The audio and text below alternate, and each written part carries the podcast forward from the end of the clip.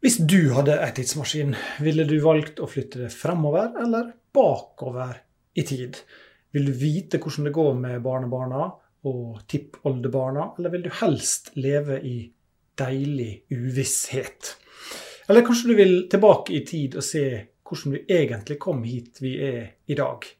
Det valget sier antagelig noe interessant om eh, hvem du er, men det skal vi la ligge akkurat nå. Dette lille foredraget skal nemlig handle om noe som skjedde for ganske nøyaktig 125 år siden. Da kom den britiske forfatteren H.G. Wells med sin debutroman, den etter hvert tidløse eh, klassikeren 'Tidsmaskinen'. Eh, jeg kommer til å begynne med å si litt om denne forfatteren, og hva det var som førte han ut i eh, ulykka med å skrive science fiction-romaner. Eh, og Gjennom det så kan jeg kanskje også prøve å si noe om hva som kjennetegner denne litt misforståtte sjangeren. Den liker i hvert fall å tenke på seg sjøl som misforstått. Eh, det blir skuffende lite stjernekrig, dessverre, men desto mer plass til sjangerens mer politiske og sosiale dimensjon. Mitt navn er Bjørn Vatne. Jeg er forfatter av tre romaner så langt. Den aller nyeste kom faktisk, eh, idet du ser dette foredraget for første gang, i går på markedet. Den heter 'Død og oppstandelse'. Og hvis du liker bøker om evig kjærlighet eh, og eh, muligheten for et evig digitalt liv, så kan kanskje det være noe for det. Jeg står nå på mitt lille, trivelige kontor i det som heter Aggregat kunstnerfellesskap her i Ålesund, på gateplan i byen. Så hvis det plutselig kommer noen og banker på vinduet her, eh, og dere ser blikket mitt flakke ut, så, så vet dere årsaken. OK. Eh, HG Wells. Jeg kommer til å si HG. Det er litt corny, eh, men det høres så dumt ut med HG. Og Herbert høres enda verre ut. Eh, ble født i 1866 i Bromley, bitte litt eh, forstad til London. I dag er en del av Stor-London. Et litt traurig sted den gang, jeg vet ikke hvordan det er nå. Eh, men ikke langt unna så bodde det en annen, og må vi vel innrømme, enda mer kjent brite. Han heter Charles Darwin og var på høyden av sin berømmelse da H.G. Wells ble født. Og Som jeg skal komme tilbake til, så er han i hvert fall indirekte kanskje noe av grunnen til at H.G. Wells ble forfatter i det hele tatt. Eh, Foreldra til Herbert George var barn av den industrielle revolusjonen. Et par tiår før han ble født, så reiste jo Marx og Engels rundt i England og forundra seg over eh, forholdene for den britiske arbeiderklassen. Eh, det ble til boka 'Condition of the Working Class in England', som beskrev en ganske fremmedgjort arbeiderklasse i postindustriell revolusjon. Eh, Foreldrene hans var fattige. Det var ikke typiske eh, slitearbeidere, sånn som vi er vant til å tenke på det. Faren drev en slags eh, porselensbutikk og var faktisk profesjonell cricketspiller. Ingen av dem var særlig innbringende, tror jeg.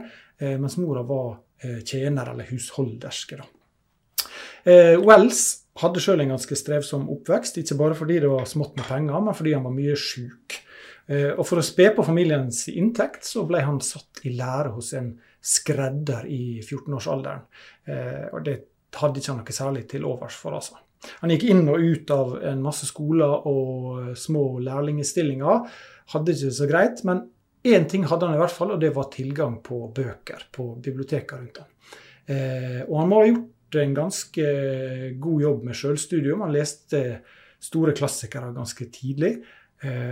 Og etter hvert så fikk han jobb som en slags sånn støttelærer for yngre elever på en skole i nærheten. Og til slutt eh, fikk han stipend for å gå på det som senere ble Royal College of Science i London. Og Her på første året så møtte han en foreleser som skulle bli veldig viktig. Så vi kan merke oss navnet ved det samme.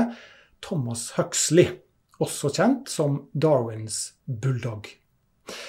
Eh, Wells sjøl var nok ingen stjernestudent. Han var kanskje mer opptatt av debattmøter på skolen og skoleaviser og det sosiale livet Eh, og Det førte til at han strauk i mange fag. Eh, og Det var ikke før mange år seinere, etter at han sjøl hadde jobba som lærer igjen en periode, at han klarte å fullføre en bachelor i zoologi.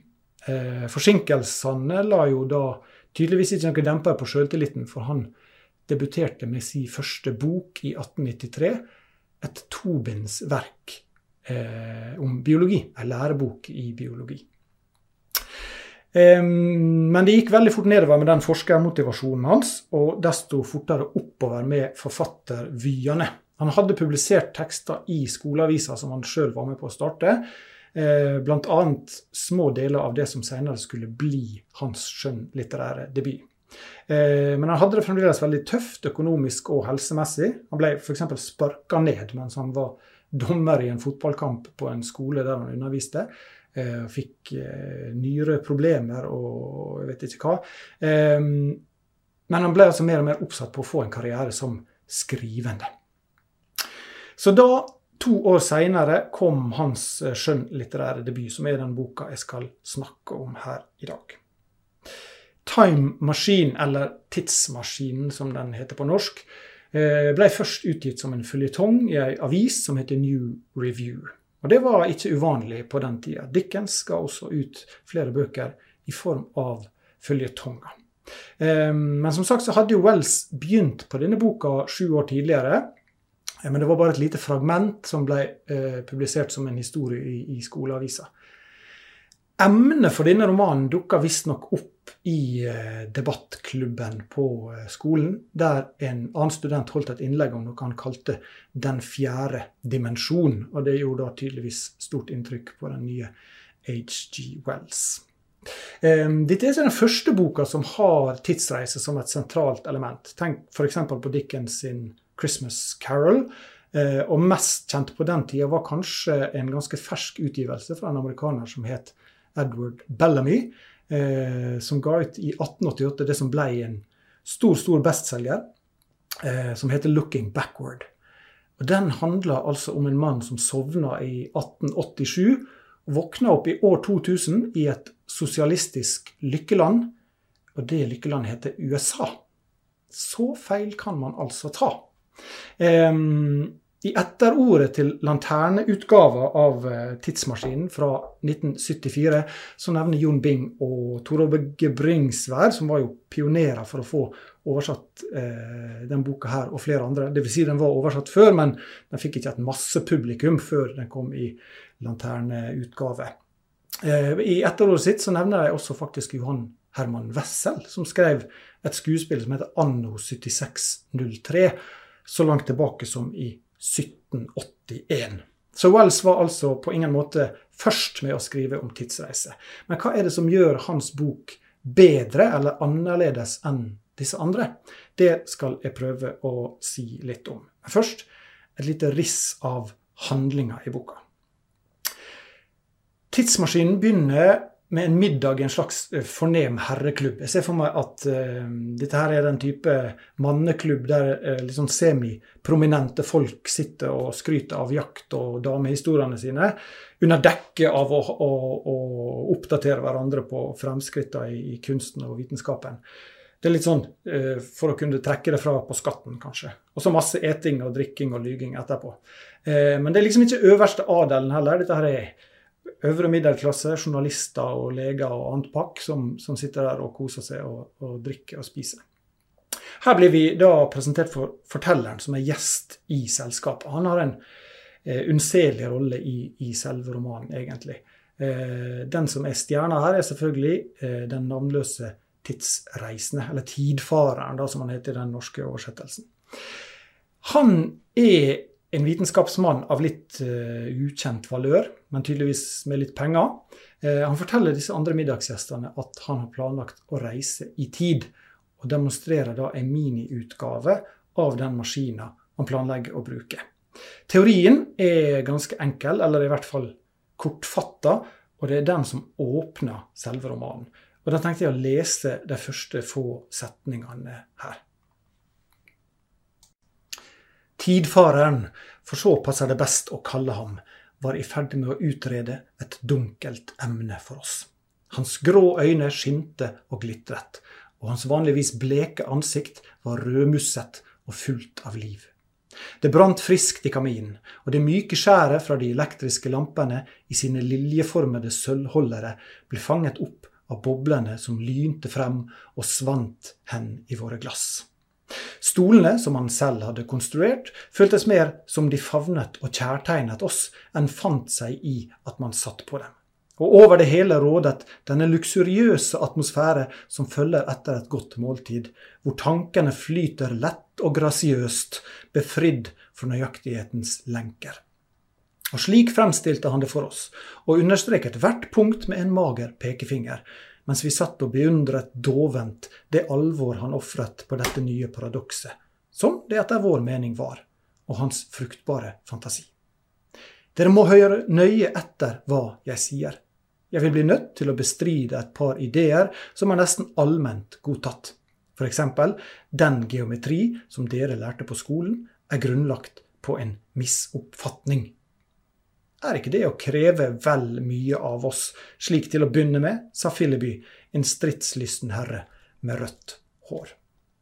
Tidfaren fortsetter så med å forklare prinsippet bak den fjerde dimensjonen, altså tid, som er noe vi tar for gitt fordi vi hele tida beveger bevisstheten vår langs den. Omtrent som bakken vi går på, eller lufta vi puster i. Den bare er der. Eh, og logikken hans er omtrent sånn. Siden du kan bruke et todimensjonalt medium til å tegne et tredimensjonalt objekt, f.eks. et ark, eh, så kan du altså også bruke et tredimensjonalt rom til å lage en firedimensjonal modell, og med hjelp av den forflytte det gjennom tid. Ganske upresist, Eh, men det funker tydeligvis, for han viser da fram ei lita tidsmaskin på størrelse med ei lita klokke som forsvinner fra rommet. På vei enten framover eller bakover i tid. Og Så tar han dem med til rommet ved siden av for å vise fram prototypen på den store tidsmaskinen som han har tenkt å reise av gårde med. Um, gjestene er jo selvfølgelig dypt skeptiske. Tidfareren er nok den sorten fyr som har mange gode ideer på nachspiel, som ikke alltid er sånn 100 eh, Og som medisineren blant dem sier, eh, er dette virkelig alvor, eller er det et triks, sånn som det spøkelset du viste oss forrige jul? Men tidfareren bruker ei ukes tid på å, å smelle sammen den ferdige tidsmaskina. Og når de møtes da for en tilsvarende middag uka etter, Eh, så møter de en ganske ille tilrett tidsreisende som har vært ute på tur. Eh, Wells nøyer seg med denne ganske sånn magre oppskrifta på hvordan tidsreise egentlig foregår, men han gir oss liksom akkurat nok til at vi tror på at det ligger et slags rasjonale bak det her. Og Det blir ikke bare en påstand som henger i lufta. Og så Straks han har oss på kroken, så bykser han liksom over i spenninga og den meddrivende handlinga. Eh, og Wells var jo etter min mening et sånn mester i å finne denne balansen som er så vanskelig i science fiction. Vi får vite så lite om oppbygninga av denne tidsmaskina eh, at det fremstår som om to spaker er liksom det mest avgjørende deler av dette maskineriet for å få det til å fungere. Men det holder. Vi er med. Eh, de møter altså den tidsreisende som har vært ute på tur. Eh, klærne hans er helt i fille, han er skitten og utsulta. Og har selvfølgelig en helt utrolig historie å fortelle. Men han må bare vaske seg litt først og skifte klær. Så må han spise litt eh, og ta seg litt vin. Og mens det andre sitter da veldig utålmodig og venter, eh, så tar han det veldig med ro. Eh, og når han endelig da føler seg sterk nok til å sette i gang, så begynner hovedbolken av boka, som består av denne fortellinga. Og jeg skal gjengi det jeg tror jeg akkurat passer mye av den, for å unngå å røpe for mye for den som har lyst til å lese boka, ikke har lest den ennå. Eh, tidfareren påstår da i hvert fall at han ankom år 802701. eh, på ei grønn og frodig eng i nærheten av en eh, sånn hvit sfinkslignende statue. Eh, han ser bygninger spredd rundt i terrenget. Eh, storslåtte og flotte, men selv om de tydeligvis er produkt av en veldig sånn avansert sivilisasjon, så er de eh, også veldig nedslitte og nesten i ruiner, enkelte av dem. Så møter han en gjeng merkelige små mennesker, eloiene som han kaller dem. Eh, veldig vakre, veldig små, eh, veldig svakelige, og tilbringer stort sett tida si med å eh, plukke blomster, kaste blomster lage blomsterkranser, og spise og sove. Veldig makelig liv. Eh, de har ikke skjeggvekst, understreker han. De blir veldig fort slitne. Eh, vegetarianere. Eh, og lever i et samfunn som er helt blotta for konflikt, i hvert fall dem imellom, og sykdom og vold. De er veldig lite spesialiserte, disse folka. Det er lite forskjell på kjønna og veldig lite forskjell på voksne og barn også, faktisk. Og språket deres er redusert til bare det aller mest nødvendige. Bare substantiv og verb omtrent. Men så den første natta da, eh, hos denne gjengen, så forsvinner tidsmaskina til den tidsreisende. Eh, og han setter det ganske kjapt i sammenheng med en annen type eh, mer eller mindre menneskelignende vesen som vandrer rundt der om natta. Dette er eh, hvite apelignende dyr. Eh, veldig lyssky, bokstavelig talt. Eh, han kaller dem morlokkene. De bor under jorda som halvblinde huledyr dumme og voldelige, men også veldig lette å skremme. F.eks. med ild. Eh, og hendig nok da, så har han ei eske fyrstikker i eh, frakkelomma si, eller røkejakka er det sikkert han går rundt i. Eh, og, og, det er liksom også hele hans eh, utforskerarsenal. da. Han er ekstremt dårlig utrusta eh, utforskertype. Eh, han går til og med i sånne bitte små spasersko. Eh, og skjønner da etter hvert at jeg burde i hvert fall ha tatt med et kamera for å prøve å forevige det her. Eh, men evolusjonen har altså brakt menneskeheten i to helt forskjellige retninger. Eh, og dette er ikke akkurat verdens mest subtile analogi eh, i boka. her. Over jorda så hersker en lat og mett overklasse, og under, i mørket, så jobber arbeiderklassen. Molokkene gjør et eller annet mystisk maskinarbeid der nede som vi aldri helt får klarhet i, mens eloiene koser seg oppe i sollyset. Men om natta så kommer disse molokkene opp for å spise. Og det de spiser, det er Eloia. Um, Eat the rich heter det jo på engelsk. Uh, og det er nok en veldig presis beskrivelse på det som uh, venter oss i fremtida, skal vi tro Wells. Uh, Eloiene syns at denne tidsreisende er veldig rar og, og, litt morsom, men de mister veldig fort interessen i han. De mister stort sett interessen i alt. De er veldig sånn lite nysgjerrige og lite opptatt av det som foregår rundt dem. Eh, men han er jo en sånn kjempe da, i, i, den tida. Eh, selv om han i vår tid kanskje er en litt sånn pusling og dandy-type. Brått er han her en sånn handlekraftig gigant. Og en dag så redder han en Eloise, en kvinnelig Eloise som holder på å drukne. Og Wina blir en trofast følgesvenn eh, for han. Og det oppstår et litt sånn skeivt og mystisk kjærlighets- eller avhengighetsforhold mellom disse to. Eh, litt uggent, nesten. All den tid hun er liksom nesten som et barn. Og han bærer rundt på f.eks. når hun blir sliten og sånt. Eh, og ja, Kjærligheten mellom dem blir jo da aldri eh, fullbyrda, som det heter på fint. Eh, og det hadde nok også da blitt for mye selv for eh, oss i vår tid, men også særlig for viktoriatidens England, tror jeg. en dag så er disse to ute på ekspedisjon. Eh, den tidsreisende mener at han har sett et museum, eh, noe som kan ligne på det i hvert fall, i horisonten. og De går dit, og der finner han ganske riktig fullt av artefakter fra bl.a. vår egen tid. Flere fyrstikker, f.eks., beleilig nok. Eh, men nå blir de overfalt av morlokkene. Og herfra og ut så tror jeg ikke jeg skal si så mye av handlinga, eh, bortsett fra at tidfareren da også får seg en tur noen millioner år enda lenger fram i tid. Eh, og beskrivelsen av denne døende verden der er kanskje blant de litterære høydepunktene, i hvert fall i, i, romanen. Men det er altså ingen lykkelig fremtid vi går i møte i Wells fremstilling. I epilogen eh, så sier eh, fortelleren om denne tidsreisende bl.a. I det stadig voksende antall av sivilisasjonens produkter så han bare en tåpelig opphopning som uunngåelig måtte rase ned og ødelegge skaperne til syvende og sist. Hvis det er slik, da gjenstår det for oss å leve som det ikke er slik. Eh, denne tidfaren representerer da kanskje kunsten, vitenskapen, fremskrittet, intellektet. I den tida han kommer til, så er vitenskapen og alt dette blitt helt fremmed for folk. De har bokstavelig talt da lagt den i ruiner. Og De lurer til og med på om, om det er tordenværet som har spytta han ut, at det var sånn han kom dit. da. Så vi har altså fått en ekstremt dum og lat overklasse og en ekstremt dum og morderisk eh, underklasse. Og Wells eh, var nok ingen sånn utprega optimist på menneskehetens vegne, i litteraturen sin i hvert fall. Selv om han i det virkelige liv da predikerte nokså sånn optimistisk politikk basert på frihet, eh, likhet og, og brorskap. Han var jo en erklært sosialist. Um, men det er heller ingenting i romanen som gir oss grunn til å tro at det kommer til å bli bedre etter at denne tidfareren har, har forlatt dem. Alt er egentlig bare ganske dritt. Um, romanen illustrerer da et slags sånn kappløp mellom uh, det å være et opplyst menneske på den ene sida, og hvis man ikke klarer det, en slags ventende katastrofe på den andre.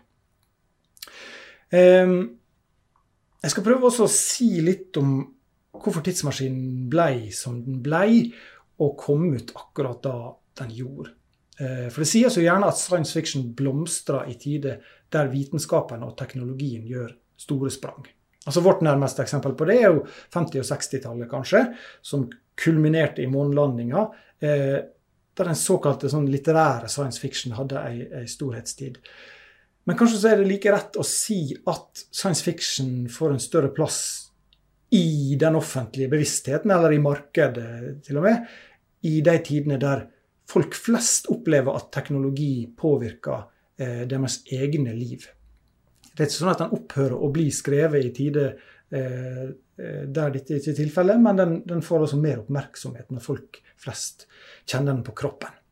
Um, og Hvis vi nå kan si at science fiction opplever et slags nytt oppsving, altså at et bibliotek inkluderer en science fiction-roman i klassikerserien må vi jo eh, kunne ta til inntekt for et sånt syn. Så er det jo antagelig fordi vi opplever at informasjonsteknologien, biovitenskapen, kommer veldig tett på våre hverdagsliv akkurat nå. Det har ikke mangla science fiction-romaner i de siste åra, i hvert fall ikke internasjonalt. Men de har bare ikke blitt tatt inn i varmen eller blitt lest så bredt som de kanskje blir nå. Så hva var det som skjedde da rundt den tida eh, Wells ga ut 'Tidsmaskinen'? Jo, 25 år tidligere så hadde det jo kommet ut ei lita bok som heter 'Origin of the Species'. Eh, og litt til, hvis man husker hele tittelen.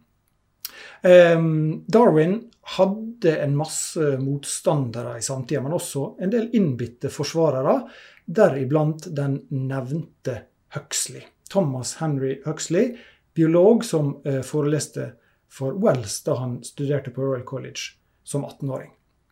Eh, Thomas Huxley var jo, eh, mange vet det kanskje, og gjetter det i hvert fall ut fra navnet, bestefar til en annen veldig kjent science fiction-forfatter, Aldous Huxley. Og Det var flere sånne eh, sammenblandinger av disse familiene. Wells skulle jo bl.a.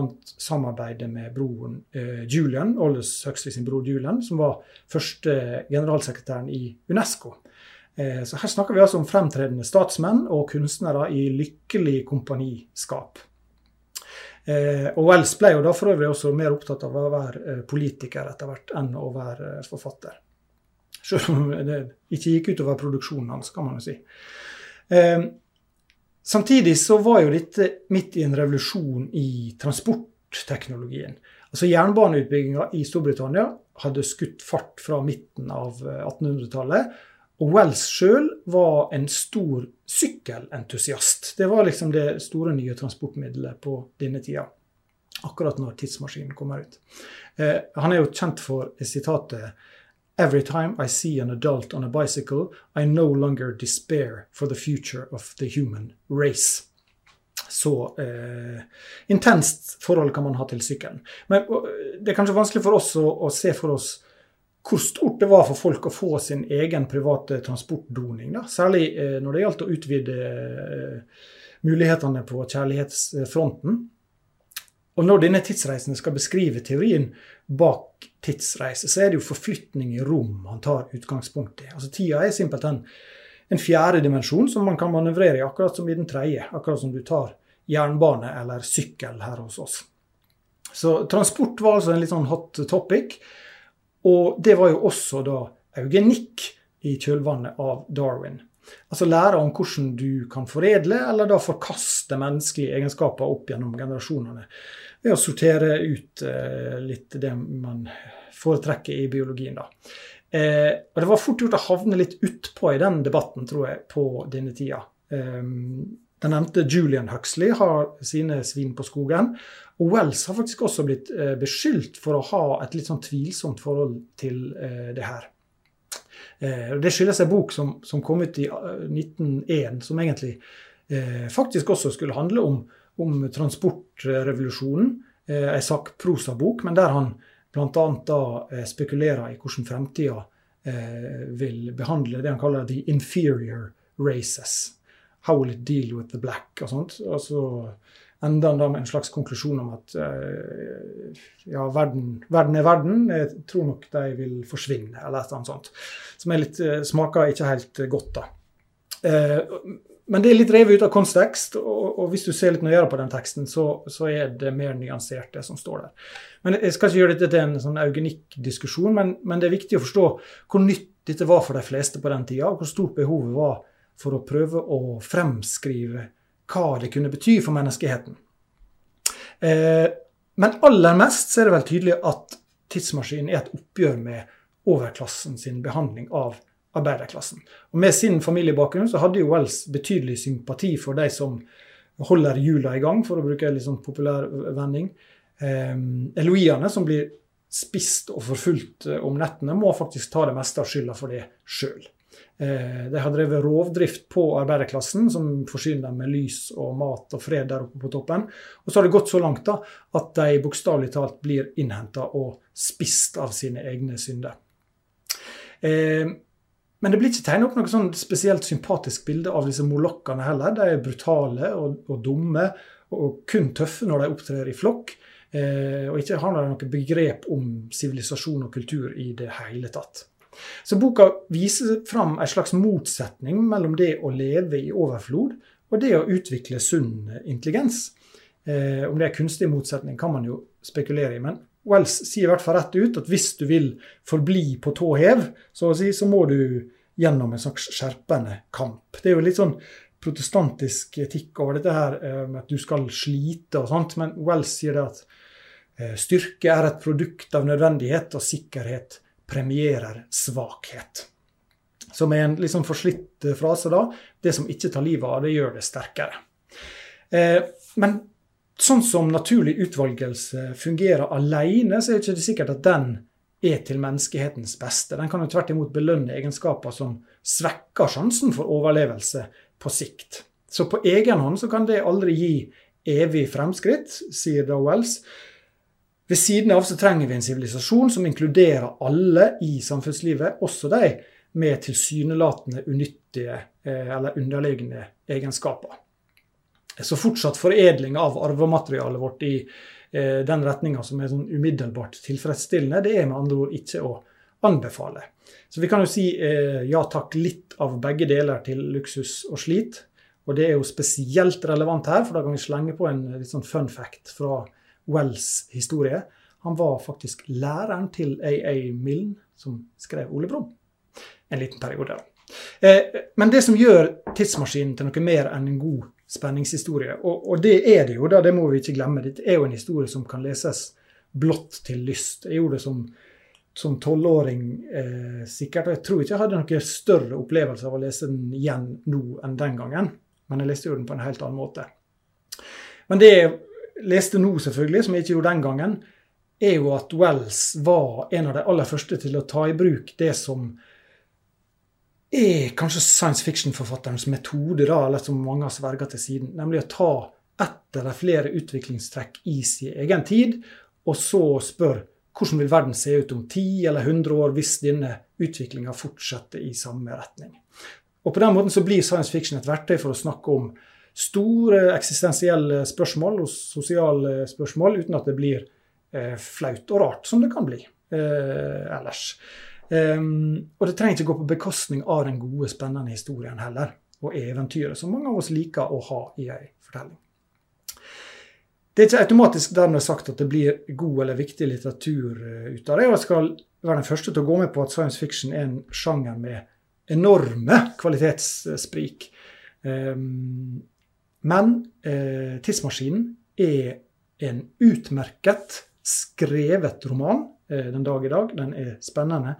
Og den peker på en del ting som er kanskje overtydelige, men eh, som vi ikke har vondt av å bli minnet på. da. Wells skulle jo til slutt skrive eh, et sted mellom 100 og 200 bøker. Jeg spriker tallene veldig.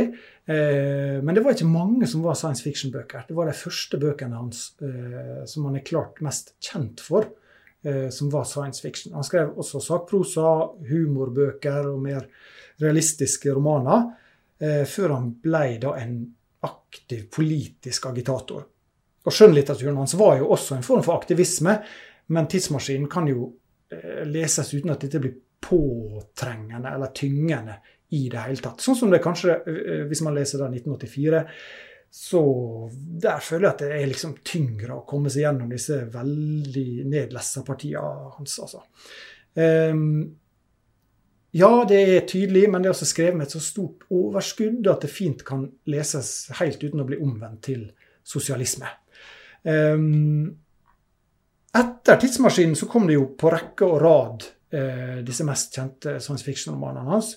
'Island of Dr. Moreau' kom året etter, og så kom 'Invisible Man' og 'War of the Worlds' liksom tett i tett, én i året. Eh, man kan jo slutte hva man vil da ut fra at det er disse romanene som står igjen som definerende i hans karriere. Eh, på privaten så gikk det jo uh, hva skal vi si, så som så med Wells. Han tjente jo godt med penger etter hvert. Eh, han gifta seg med kusina si. Eh, det gjorde jo for så vidt Darwin også, og disse to burde jo være blant de første til å, å vite bedre. Eh, men han stakk av fra henne ganske kjapt. Eh, gifta seg med en tidligere elev, faktisk. Kanskje også litt tvilsomt. Praksis. Eh, og han hadde masse elskerinner. Han var nok en litt sånn levemann, da, eh, HG Wells. Og dette var jo i Victoria-tida. Eh, I starten i hvert fall av livet hans. Og, og, og eh, det ble nok ikke sett med så veldig blide øyne på måten han levde livet sitt. Og husk, eh, da tidsmaskinen kom ut, så var det jo midt i rettssaken eh, mot Oscar Wilde, som var tiltalt for usømmelig livsførsel. Altså Hans forbrytelse var at han var homofil. Og ble også dømt til fengsel for det. Um, så Wells var ikke glad i dette borgerskapet. Og han var heller ikke fremmed for å, å parodiere folk som kritiserte livsstilen hans, på trykk i, i romanene sine. Skrev han gjerne inn som en litt sånn usmakelig karakter. Fint eh, tips å ta med seg videre. Um, jeg har lovt at jeg ikke skal bruke fryktelig lang tid på dette foredraget, siden vi er online, der vår oppmerksomhet er skiftende og flyktig. Eh, så jeg tror jeg skal faktisk runde av der med en innstendig oppfordring om å lese denne boka. Det er en kort eh, bok. Eh, under 100 sider, så dette her kan vi klare, folkens. som står som en påle den dag i dag, og er en stor leseropplevelse. Tusen takk for meg.